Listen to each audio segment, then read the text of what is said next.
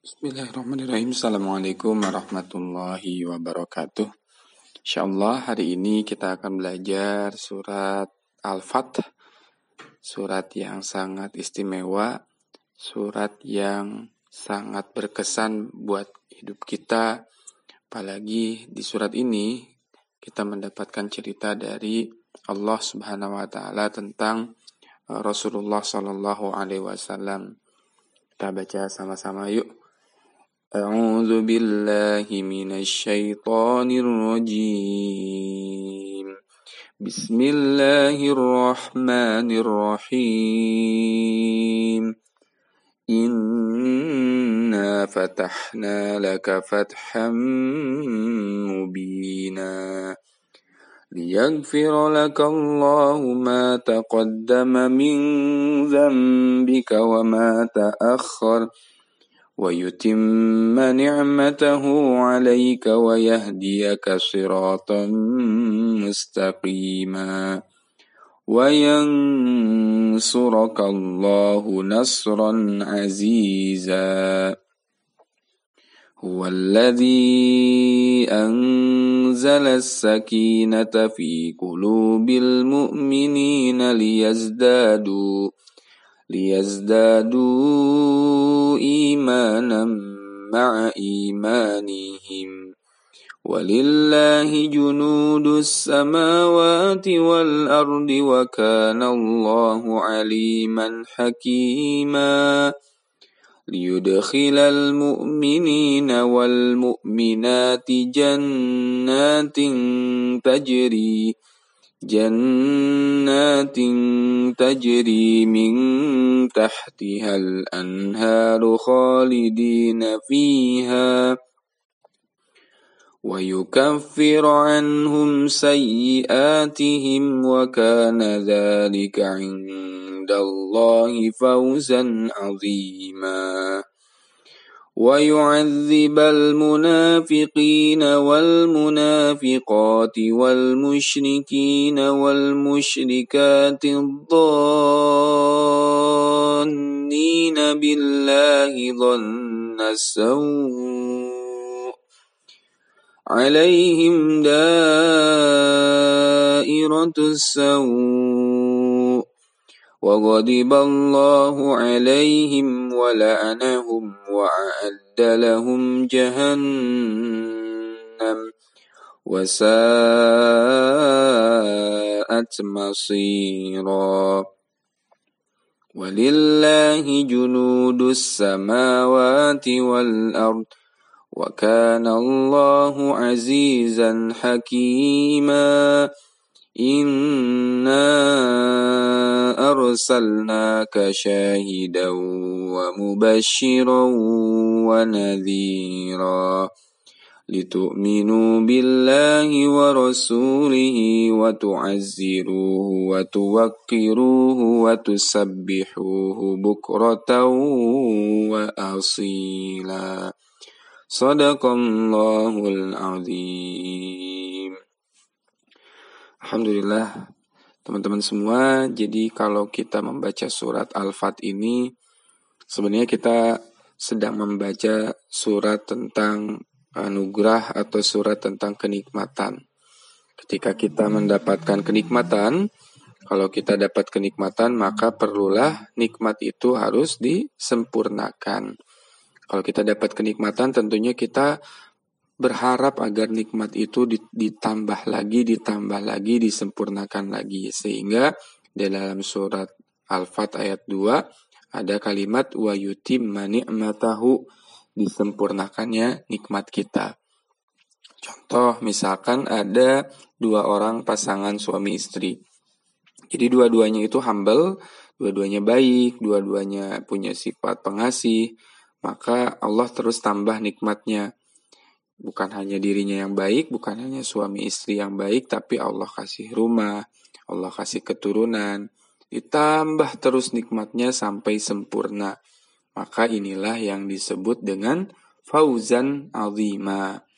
Jadi kalau kita misalkan juga contohnya kita kuliah, kita dikasih eh, setelah masuk kuliah kita dikasih beasiswa, dikasih eh, kemudahan-kemudahan, dikasih teman-teman yang support kita, dikasih orang tua yang selalu mendoakan kita, maka itulah yang disebut dengan wayutimma ni'matah atau disempurnakan nikmat kita dan itulah yang disebut dengan fauzan azima. Dan dalam kehidupan ini teman-teman semua ternyata ada dua puncak. Jadi yang pertama ada puncak kenikmatan dan yang kedua adalah puncak kesengsaraan ya. Jadi kalau kita di dunia maya harus siap ada kenikmatan juga ada siap kesengsaraan. Ada fauzan azima, di sisi lain juga ada wasaat masiro dan seburuk-buruknya tempat kembali atau puncak kesengsaraan. Puncak kenikmatannya disebut dengan fauzan azima, puncak kesengsaraannya disebut dengan wasaat uh, masiro. Jadi ketika kita tahu tentang dua puncak kenikmatan ini, maka insya Allah kita akan bijak dalam kehidupan kita kita akan bisa proporsional melihat segala sesuatu itu belum tentu baik dan belum tentu buruk. Akhirnya kita berada di pertengahan. Bisa jadi ini adalah kebaikan, bisa jadi ini adalah keburukan. Contoh nih ya, kira-kira menurut teman-teman itu nikah itu enak nggak? Nah loh, bicara tentang nikah, kalau ditanya orang-orang, e, nikah itu enak nggak sih? Kebanyakan orang-orang akan bilang nikah itu enak. gitu. Sebagian bilang bahkan sebagian besar yang bilang ah nikah itu enak gitu, enak banget Kang dan sebagainya gitu. Ya padahal belum tentu juga. Nikah itu bisa jadi enak kalau bisa jadi e, menyenangkan kalau memang lagi bahagia. Tapi kalau misalkan suami istri itu lagi bertengkar, misalkan jadi enak nggak? Belum tentu juga gitu. Ketika seseorang masuk ke sebuah kampus yang dia idam idamkan, itu bahagia nggak? bisa jadi bahagia, bisa jadi tidak bahagia. Karena kita tidak pernah tahu di dalam itu ada apa gitu ya. Kita tidak pernah tahu ternyata ketika sudah masuk banyak hal-hal yang tidak kita ketahui sebelumnya dan kita akhirnya berubah pikiran bahwa ih nggak enak ya misalkan masuk di perguruan tinggi yang kita idam-idamkan tadi. Nah, yang enak itu kalau kita udah dikasih nikmat, terus ditambah lagi, ditambah lagi, ditambah lagi nikmatnya. Itulah dari uh, ayat Quran surat Al-Fat ayat 2 tadi wa yutimma ni'matahu disempurnakan nikmatnya. Jadi kalau ada seseorang ya mudah-mudahan kita semua ya termasuk dalam golongan orang-orang ini yang bisa masuk surga udah masuk surganya aja udah bahagia kan ya. Kita bisa masuk ke dalam surga, selamat dari api neraka, selamat dari azabnya Allah Subhanahu wa taala dan kita ya udah di tempat yang enak, udah masuk surga juga udah alhamdulillah banget gitu. Tapi ketika ditambah nikmatnya wa yutimma ni'matahu alaik, ditambah nikmatnya kita bukan hanya bisa masuk surga, tapi kita bisa ketemu dengan para sahabat Nabi. Kira-kira seneng nggak? Kemudian ditambah lagi nikmatnya bisa ketemu dengan Rasulullah Sallallahu Alaihi Wasallam. Masya Allah, itu nikmat yang paling bahagia ya, nikmat yang paling besar ketika kita masuk surga dan kita bisa sesurga bersama Rasulullah Sallallahu Alaihi Wasallam. Gak kebayang sih ya, orang yang selama ini kita idam-idamkan orang yang selama ini kita cintai, orang yang selama ini kita selalu sebut dalam sholat, orang yang selalu ini selama ini menjadi teladan bagi kita tiba-tiba ada di hadapan di hadapan kita ketika di surga.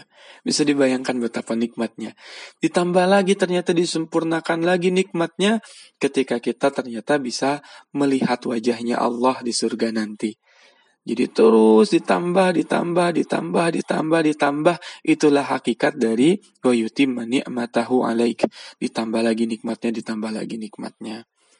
Jadi buat yang pengen dapat petunjuk, buat yang pengen dapat hidayah, bukan buat yang pengen dibimbing sama Allah, buat yang pengen dapat ketenangan, ketentraman, kenyamanan, pingin ditambah imannya, pingin dapat tauhid yang bagus, maka saran saya untuk baca aja surat Al Al-Fat.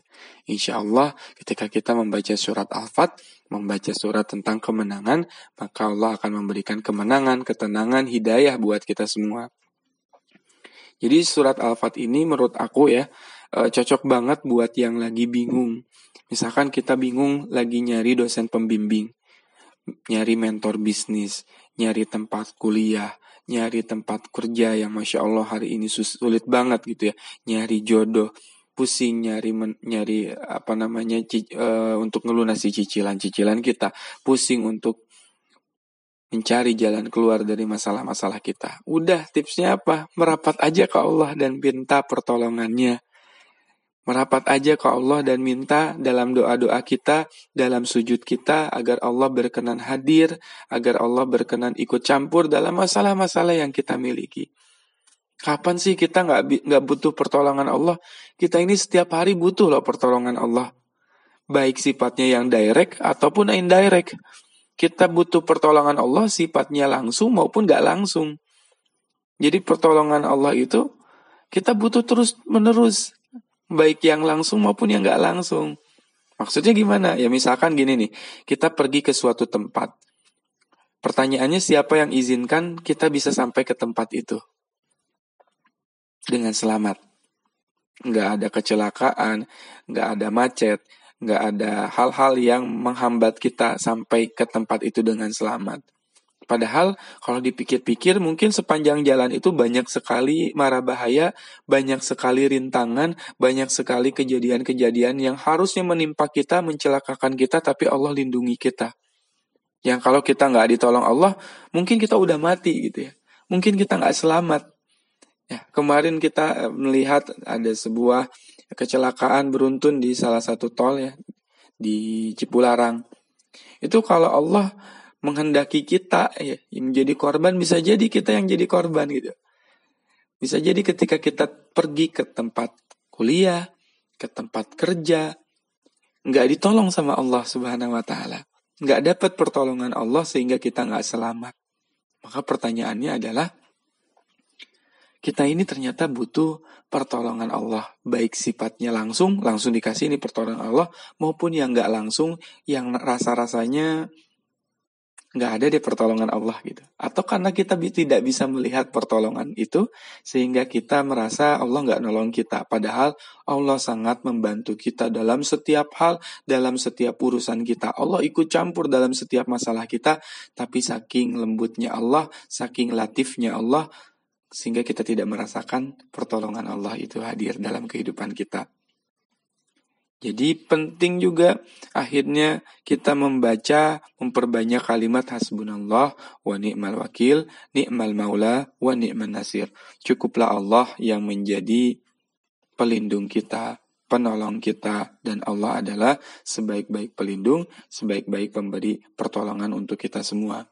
Maka yuk sama-sama kita senengin lagi surat Al-Fat ini agar ditambah, ditambah, ditambah kenikmatan yang Allah berikan kepada kita, disempurnakan bukan hanya ditambah, diberikan keberkahan, diberikan kemudahan, diberikan hidayah, ketenangan, diberikan apalagi petunjuk, diberikan iman, diberikan tauhid yang bagus, Intinya baca aja surat Al-Fat. Insya Allah ketika kita istiqomah membaca surat Al-Fat ini akan timbul ketenangan. Karena ketenangan di dalam surat Al-Fat itu disebut dengan tanazul ya. Ketenangan itu ternyata tidak bisa diciptakan. Tapi Allah turunkan. Huwaladhi anzala sakinata fi qulubil mu'minin. Karena kunci dari semua masalah-masalah yang kita miliki itu adalah ketenangan. Kalau kita tidak tenang, maka kita nggak bisa keluar dari masalah-masalah yang kita miliki.